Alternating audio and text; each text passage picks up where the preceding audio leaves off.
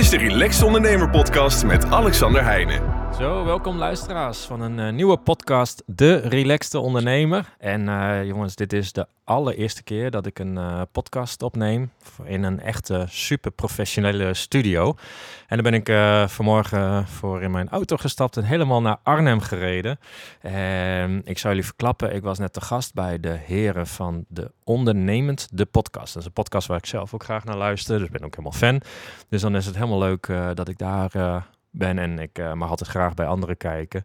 En uh, toen zeiden we, we nemen er uh, meteen drie op. Want ja, ik zit hier nu tegenover Cheert Schoon. Cheert, welkom. Ja, dankjewel. Ja, eigenlijk gek. Ik ben welkom in jouw studio. En naast ons zit David buiten de camera's. Maar die is zometeen ook nog aan de beurt.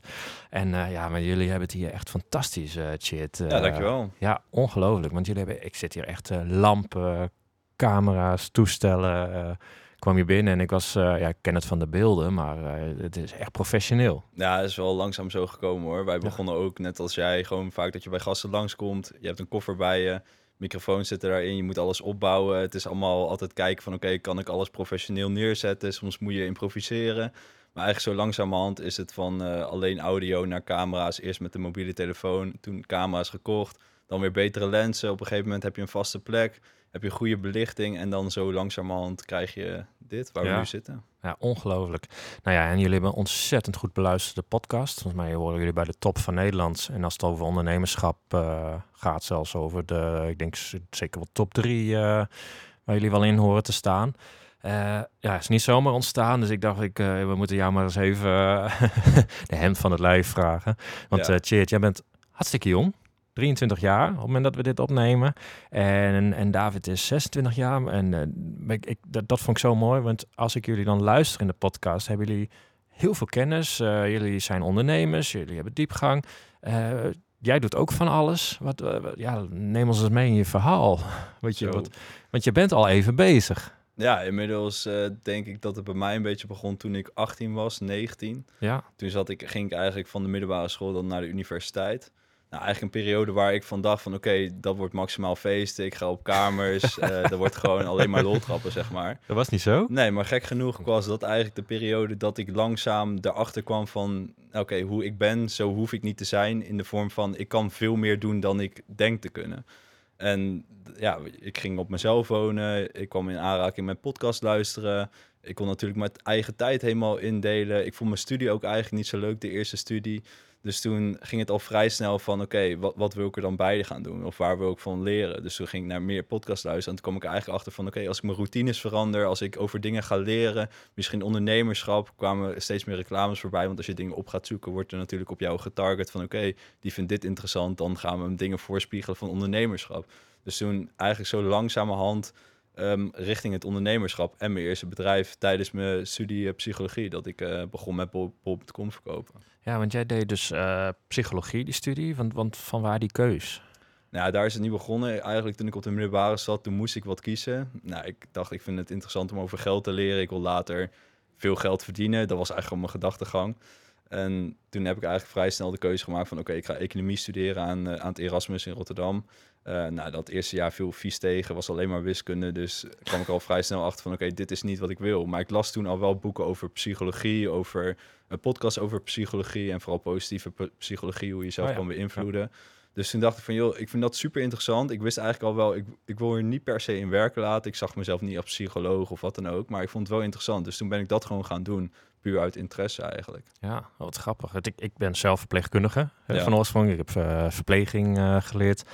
En dan zei ze ook al, waarom ga je niet gewoon iets uh, qua economie doen of zoiets? Maar dat zei ik altijd, ja, maar ja, weet je, ik snap zelf al dat als ik iets uh, wil verkopen voor 2 euro, uh, dat ik het voor in ieder geval wel minder moet gaan inkopen of andersom. Dus ik dacht, ja, dat hoef ik niet te leren. Nee. Weet je, dus daardoor vind ik debit, credit allemaal nog steeds heel moeilijk. Bij bewijs van, ik kan bijvoorbeeld wel weer een balans lezen, maar dat heb ik mezelf allemaal weer aangeleerd. Dus zat dat er bij jou dan ook al achter of was het gewoon van, nee, dit legt een bepaalde basis en die heb ik nodig om straks verder te komen in wat ik wil doen, wat dat ook maar gaat zijn. Nou, ik moet je eerlijk zeggen dat ik eigenlijk toen ik die keuze maak, eigenlijk helemaal niks wist van wat ik wou. Het was gewoon puur van oké, ik moet het standaard rijtje volgen. Dus van oké, van middelbare school ga je naar de universiteit, ga je een studie doen. Dus eigenlijk zat er helemaal geen gedachtegang achter. En ik was op dat moment ook echt stuurloos Omdat, ja, ik vond de studie eigenlijk ook niet leuk. En vandaar dat ik ook heel erg dingen erbuiten ging zoeken. Want ik had wel van mezelf een bepaalde nieuwsgierigheid altijd. Van oké, hoe doen anderen dat dan?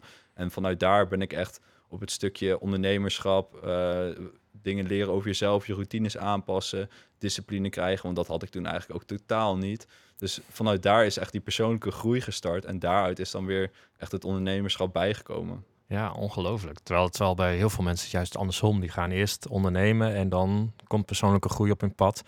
Bij nog weer andere mensen vaak eerst een burn-out en dan pas persoonlijke groei. Maar bij jou was gewoon persoonlijke groei was het vertrekpunt. Ja, ja, zeker. Ja, dat, want eigenlijk daarvoor had ik totaal geen routines, of nou, totaal geen routines, maar zat dat er gewoon helemaal niet in. Dus was het stukje van, oké, wat kan ik dan meer doen? Dat was er nog niet, omdat je die basis niet hebt. Dus je, je tijd ging gewoon zitten in bijvoorbeeld feestjes, zuipen natuurlijk. Gewoon uh, tijdens de universiteit was dat gewoon heel normaal. Dat je gewoon, dat was je afleiding. En pas toen ik die persoonlijke groei ging doen, kwam ik eigenlijk achter van, joh, maar als ik die tijd nou anders ga indelen, kan ik bijvoorbeeld dingen leren over, oké, hoe verkoop ik nou een product? Hoe zet ik een website op? Hoe uh, kan ik gebruik maken van een marketplace zoals bol.com of Amazon? En vanuit daaruit is echt die interesse gekomen. En toen heb ik uiteindelijk ook een cursus gekocht, wat mij heel veel heeft geholpen. Er zullen een heleboel mensen zijn die denken van, ja, ik heb misschien dezelfde cursus gevolgd of een vergelijkbare cursus en die heeft dat niet zo ver gebracht. Maar uiteindelijk die cursus gekocht, Ehm, daar heel veel van geleerd en gewoon het eerste product ingekocht. En daar eigenlijk achter gekomen van, joh, uh, dit is interessant, ik kan hier geld mee verdienen. En vanuit daaruit weer echt heel erg doorgegroeid. Ook een beetje geluk gehad met, toen begon corona net. Iedereen ging vanuit huis uh, dingen doen. Dus ik kon ook veel meer tijd erin steken. Want ik kon in één keer, ik hoefde niet meer naar de universiteit te gaan. Ik ben toen ook terug verhuisd naar mijn ouders, omdat er toch niks te doen was in Rotterdam. En daar had ik zoveel rust mee gekregen dat ik al die tijd kon steken in het bedrijf. En dan ook nog het geluk gehad dat ik toen sportartikelen verkocht in coronaperiode. Oh, wat ik eigenlijk helemaal niet, was helemaal niet de gedachtegang erachter, maar was gewoon puur toeval. En waar verkocht je dat dan? Wat zei je? En waar verkocht je dat allemaal? Op bol.com. Op bol.com? Ja, ja, dus ik had gewoon leveranciers waar ik inkocht. Ja. Uh, zet ik mijn eigen merk op. Dus ik maakte de hele productverpakking, die ontworp ik. Ik zeg, zei bijvoorbeeld tegen leverancier van... joh, dit product uh, ziet er nu zo uit, maar ik wil het eigenlijk net iets anders hebben. Dus eigenlijk zo in samenspraak met de leverancier pas je producten aan... maak je het helemaal precies voor de doelgroep waar jij het voor wil hebben. En zo verkocht ik op een gegeven moment sportartikelen. uh, en in de coronaperiode ging dat zo hard... waardoor toen mijn ogen werden geopend van... joh, ik kan hier echt geld mee verdienen. Want daarvoor was het misschien een paar keer een product verkopen. En dan had je misschien aan het eind van de maand 200 euro winst of zo. dus dan was het, stelde het nog niet zoveel voor. Maar door die coronaperiode zag ik in één keer van, joh, ik had toen één product wat 100 stuks per week ging verkopen. En daardoor haalde ik gewoon een omzet van 10k de eerste maand, zeg maar, dat ik in die coronaperiode weer thuis woonde. Dus daardoor heb ik echt in kunnen zien van, joh, dit werkt. En ook de beslissing genomen al vrij snel van... joh, ik ga een tussenjaar nemen en ik zie wel wat er gebeurt... maar ik ga in ieder geval nu volle bak hierop focussen. Want dit wil ik eigenlijk altijd al. En dan ga ik daarna wel kijken. En in dat tussenjaar heb ik gewoon ik wist eigenlijk al dat het geen tussenjaar zou worden. Maar dat zei ik dan tegen mijn ouders, tegen mijn familie van... ik ga even een tussenjaar nemen om hierop te focussen. Maar eigenlijk diep van binnen wist ik al van dit is wat ik wil doen. En hier wil ik mee door. En in dat jaar gewoon heel veel producten erbij eh, genomen. Werd het veel stabieler. Want ja, je hebt natuurlijk een enorme piek in het begin. Maar dan komen de concurrenten bij en dan zwakt dat weer af. Maar wel weer doorgebouwd producten erbij en uiteindelijk een hele stabiele business uh, gebouwd die nu nog steeds draait. Ja, ontzettend knap. En, en, en wat je al zegt, ja, ik neem even een tussenjaar. Uh, nou ja, jij weet op dat moment heus wel dat het niet zo is, maar hoe reageerden je ouders? Want jij, je universiteit, psychologie, kan me zo voorstellen als ik een kind had en die kwam dan terug en die zei van nou, ik ga even een tussenjaar doen. Ik ben een beetje aan het uh, pielen op bol.com, wat natuurlijk absoluut geen pielen is, maar dat ik zo zou, zou hebben dat ik dacht, moet je dat wel nou, doen? Moet, precies. Ja, moet je niet eens gewoon een diploma halen? Nee, ja, mijn ouders zijn eigenlijk altijd heel relaxed geweest. Mijn ouders hebben ook op de middelbare zoiets gehad van... joh, als je het jaar niet haalt, prima. is je eigen keuze, is je eigen fout.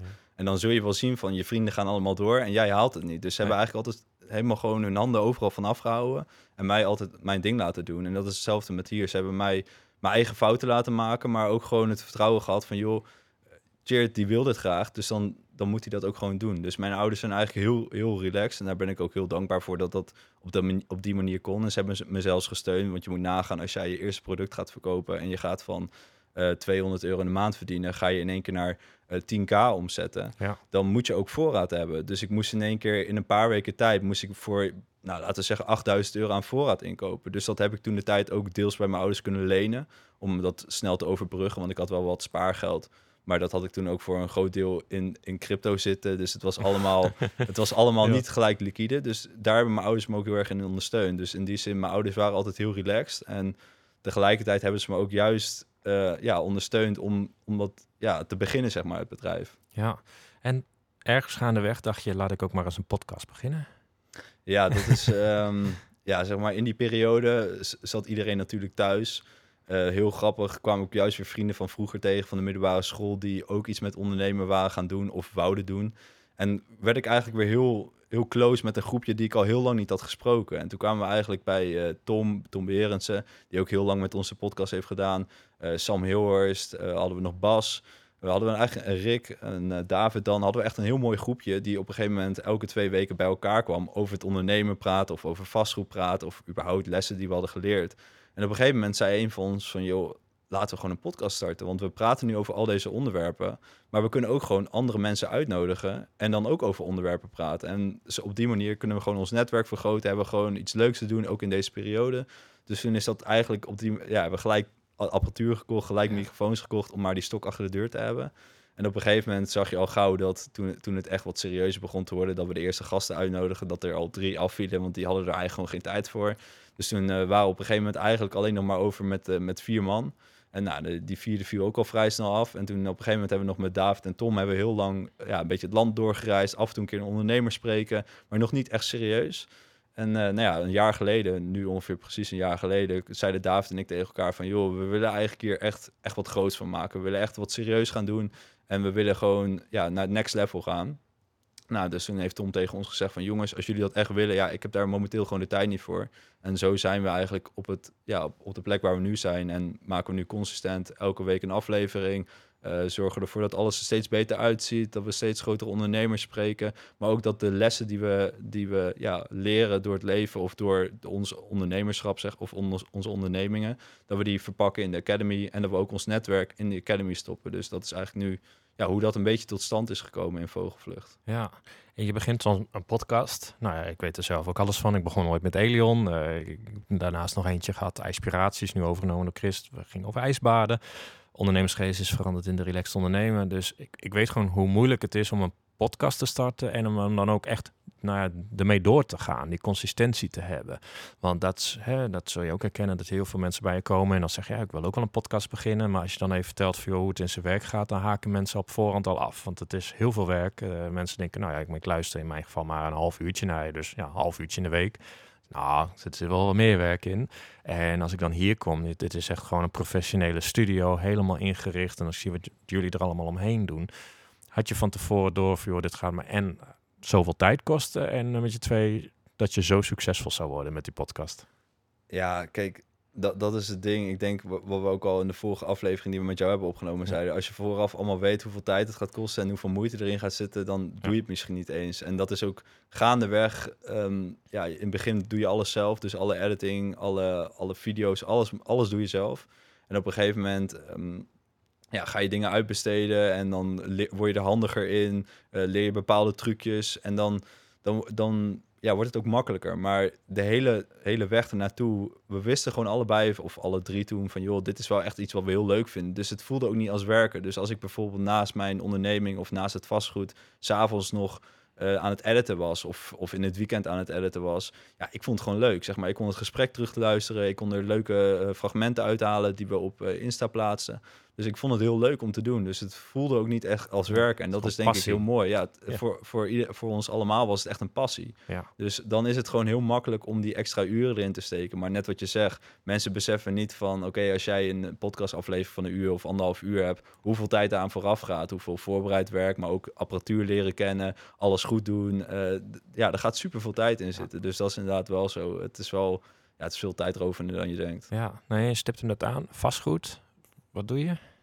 Ja, dat is ook, eh, ook weer een mooie, eh, mooie, mooie reis. Zeg maar, eh, toen ik eigenlijk begon met Bol, wat, wat veel ondernemers denk ik zien. Ja, je ga- je gaat al gewoon naar andere dingen kijken, omdat je denkt dat het daar beter is. Of dat dat uiteindelijk het spel is wat je moet gaan, gaan spelen, zeg maar. Dus op een gegeven moment was ik met Bol wel redelijk stabiel. Ik vond het wel leuk, maar ik wou er ook wat naast doen. Ik wou ook ik wou investeren al in dingen. Ik wist dat vastgoed heel interessant kon zijn, omdat je eigenlijk redelijk passief op een gegeven moment toch inkomsten kan hebben. Je hebt iets wat waardevast is. Dus toen ben ik al gauw een cursus gaan volgen. eh, de eerste dingen over vastgoed geleerd. Nou, toen was het natuurlijk ook helemaal booming in Nederland, want iedereen zag wel van oké, eigenlijk het geld wordt minder waard. Uh, de rentes zijn heel laag, dus je kan nu heel makkelijk met geleend geld ook vastgoed gaan kopen. Dus nou, vanaf daar is de interesse een beetje gewerkt. Eerst hebben we in, in de UK gekeken, omdat daar de rendementen nog hoger waren. Daar ook een bedrijf gestart. Daar ook echt een, het aankoopproces ingegaan van de eerste pand kopen uiteindelijk waren die partners toch niet helemaal te vertrouwen. Of misschien waren ze wel te vertrouwen, maar ik had er geen goed gevoel bij. Dus toen hebben we op een gegeven moment gezegd, toen, het duurde toen drie maanden voordat we bijna dat pand hadden aangekocht. En ik zei, als ik morgen nog niks heb gehoord van jullie, dan, dan trek ik de stekker eruit. Dan gaat de aankoop gewoon niet door. Nou, toen konden ze in één keer allemaal dingen aanleveren. Maar in dat rapport stonden allemaal dingen waar ik van dacht van, nou, daar klopt allemaal helemaal niks van. dus toen hebben we gewoon gezegd van, joh, dat gaan we niet doen. Want ik wil, je gaat geen nou, was toen, was, dat pand was voor mij iets van eh, over de drie ton. Dus dan ga je, dan ga je niet uitgeven als je er geen vertrouwen in hebt. Dus ze hebben gezegd van, joh, we gaan gewoon weer in Nederland kijken. Want dat is uiteindelijk toch wel, ja, weet je in ieder geval de markt. Je, je kan er makkelijk naartoe. Dus toen, uh, nou, toen heb ik hier heel veel panden bezocht, heel veel uh, dingen bekeken. Maar het lukte maar elke keer niet. En uh, nou ja, vrienden van mij zeiden al van, joh, waarom koop je niet gewoon 10 garageboxen? Of waarom koop je niet gewoon dit? Weet je wel, dan heb je in ieder geval een rendement ja. van 4, 5 procent. Heb je vast inkomen erbij. Maar ik, ik voelde gewoon van, nou, dat is niet wat ik wil. Ik wil eigenlijk iets met transformatie doen, omdat ik wist dat dat, dat is nog eigenlijk het enige waar echt een beetje geld in zit. Dus toen uh, kwam ik op een gegeven moment bij een pand uit. En um, ja, nou, ik ging daar eigenlijk met het idee heen van, joh, um, dit is te duur voor ons, dit, is, dit past niet. Maar toen zag ik al dat er eigenlijk al een hele hoop dingen waren al half aangelegd, om, waar je heel makkelijk op door kon bouwen. Dus nou, toen heb ik uiteindelijk um, ik wou dat met mijn pa samen doen, zeg maar. Wij ja. wouden allebei half-half aankopen. Ja. Want hij had ook wat vermogen over vanuit zijn bedrijf. Nou, ik ook wat. En dan konden we gewoon samen dat pand aankopen, 50-50. Dus nou, mijn pa heeft mij daarin vertrouwd van... joh, nou, dan gaan we gewoon een bod uitdoen. En toen vloog ik uh, naar Spanje toe. En toen, toen kwam ik, was ik net geland, zag ik van vier gemiste oproepen van de makelaar. ja. En ik had helemaal niet het idee dat ik het nee. zou worden. Want ik had al wel eerder gekeken en ik dacht van, nou, dit gaat niks worden. Maar nou, dus ik uh, bel hem op. Hij zegt van, joh, Chit, uh, ik mag je feliciteren. Je bent het geworden. Dus vanaf daar heb je in één keer een, uh, een pand aangekocht en uh, moet je in één keer alles gaan regelen. Dus uh, ja, dat is een beetje het vastgoedavontuur hoe dat in, ja, is begonnen. En dan zit je nu met al die gemeentes rond tafel om al die vergunningen en alles te krijgen. Ja, dat, dat ja. hebben we gelukkig achter de rug. Ja. We hebben dat nu rond. Ja. Maar ik kan je wel zeggen wat ze zeggen over gemeentes, dat het allemaal lang duurt, dat veel miscommunicatie is. Ja, dat klopt wel echt. Want het was wel hoofdpijn om alles rond te krijgen. Maar het is nu rond en alle studio's en appartementen die zijn allemaal afgescheiden. Dus iedereen heeft zijn eigen huisnummer. Dus het is allemaal rond. En het is ook allemaal ja, volgens de regels. Dus dat is ook heel fijn. Dat, ja. dat daar geen hoofdpijn zit. Ja, nou super hé.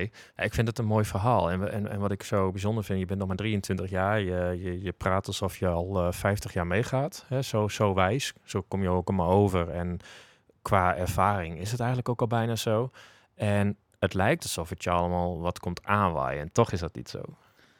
Ja, ja, dat, is, um, ja dat, dat, hoor ik wel op zich wel vaker, dat, uh, dat mensen altijd verbaasd zijn over hoe je het allemaal doet. En ja, ik denk, ik heb bijvoorbeeld ook een persoonlijkheidstest gedaan, die heeft David ook gedaan. Zou ik iedereen aanraden om jezelf te leren kennen. Maar ja, ik ben best wel redelijk impulsief. Ik kan best wel uh, gewoon dingen doen. Ik, ik, ik zie het gevaar soms ook niet en dat kan ook wel weer een valkuil zijn. Maar inderdaad, met al die dingen, bijvoorbeeld bol.com starten, vastgoed als ik het gevoel heb dat het kan en dat het mogelijk is, dan doe ik het gewoon. En soms ga ik dan op mijn bek en gaan de dingen fout. Bijvoorbeeld dat je een keer ergens een cursus koopt waar je gewoon echt serieus geld in hebt geïnvesteerd. En wat uiteindelijk gewoon ja, eigenlijk bijna een soort oplichtingspraktijk blijkt te zijn. Of in ieder geval heel veel dingen worden niet ja. aangekomen. Dus dat soort dingen gebeuren ook.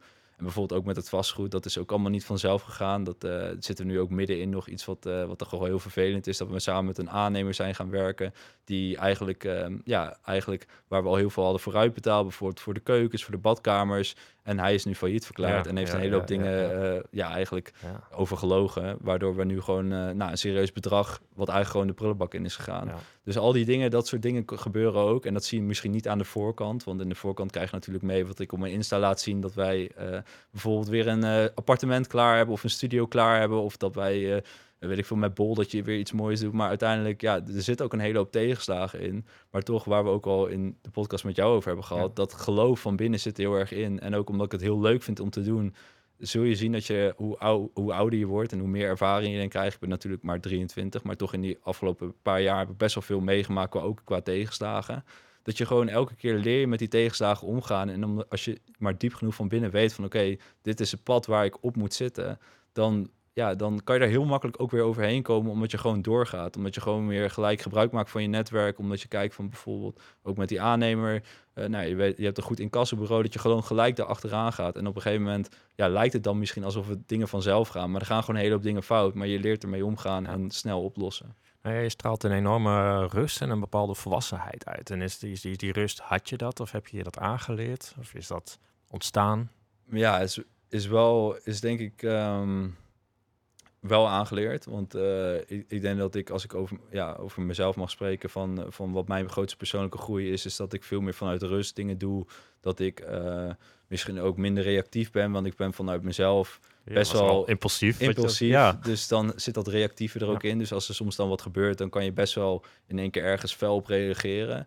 En ik denk, hoe meer, hoe meer je bepaalde dingen meemaakt, hoe, hoe rustiger je ook kan blijven in die situaties. Maar ook dat je soms beseft, ook waar we met die podcast van jou over hebben gehad, van meditatie, rust opzoeken. Dat vaak vanuit rust en vanuit een overview dingen bekijken, dat daar de meeste groei en de meeste potentie in zit. Omdat je gewoon, ja, omdat je niet te reactief bent. Dus je doet niet dingen overhaast, maar je overziet het hele plaatje. Maar ook kunnen inleven in de ander. En dat is bijvoorbeeld ook wel met de podcast. Je leert natuurlijk heel erg luisteren. Dus waar wij zitten altijd aan de andere kant van de stoel, dan praat ik eigenlijk zelden. En of als ik praat, dan is het echt om iets toe te voegen aan het verhaal.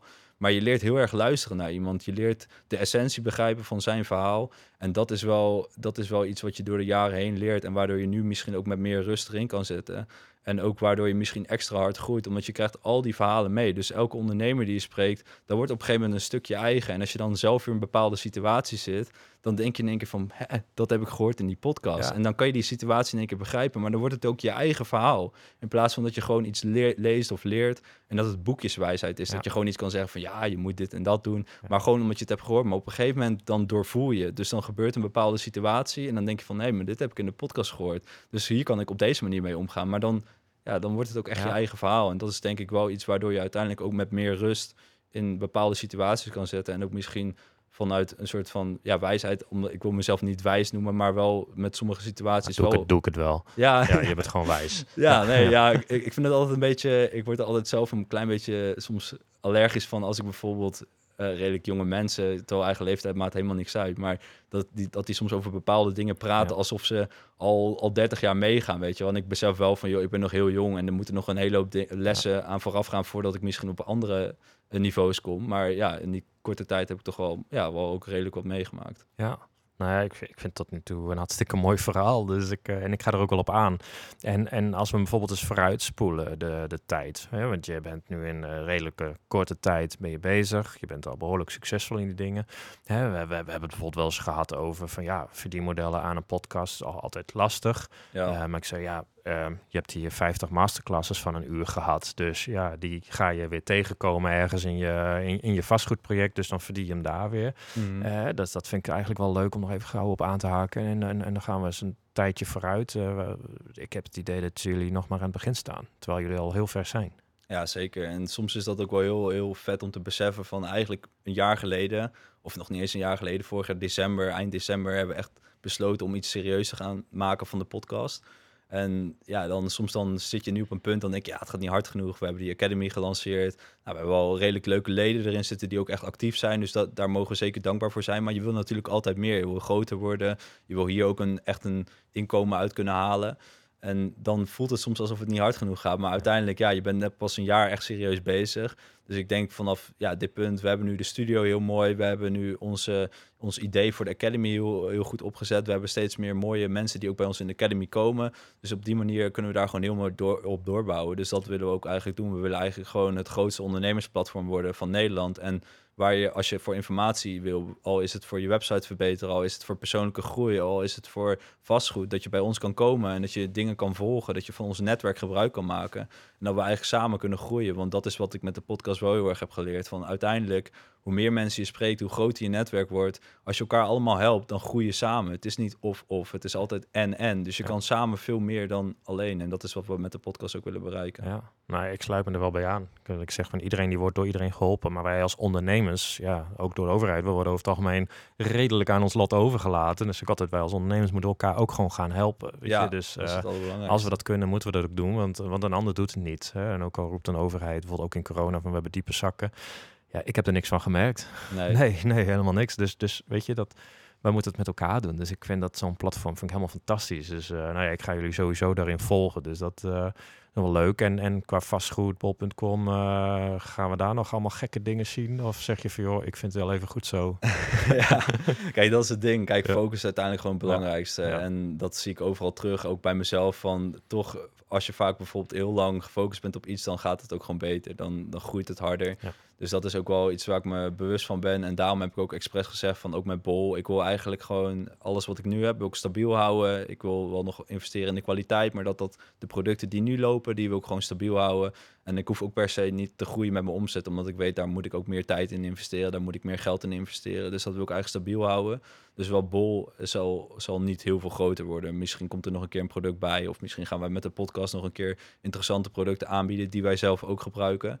Dus dat, dat zou daar een beetje hetzelfde blijven. En qua vastgoed ja, zit ik nu tegen het einde van het project aan. We hebben nu uiteindelijk, na ja, wel redelijk wat lange tijd met de verbouwing, hebben we toch wel de dingen zijn we nu aan het afronden. Uh, iets, het begint ook echt iets te worden, zeg maar. Dat is ook heel prachtig om te zien, want heel lang is het gewoon een kale ruimte, uh, hangt alles nog los. En nu wordt het echt een appartement, wordt het echt strak, zit de badkamer erin. Dus dat is wel iets moois waar we richting de afronding gaan. En daar wil ik straks gewoon eerst weer wat inkomen uithalen. Want zo'n verbouwing kost gewoon enorm veel geld. Dus dat dat gewoon lekker loopt. Dat daar leuke huurders in zitten. Dat dat gewoon stabiel is.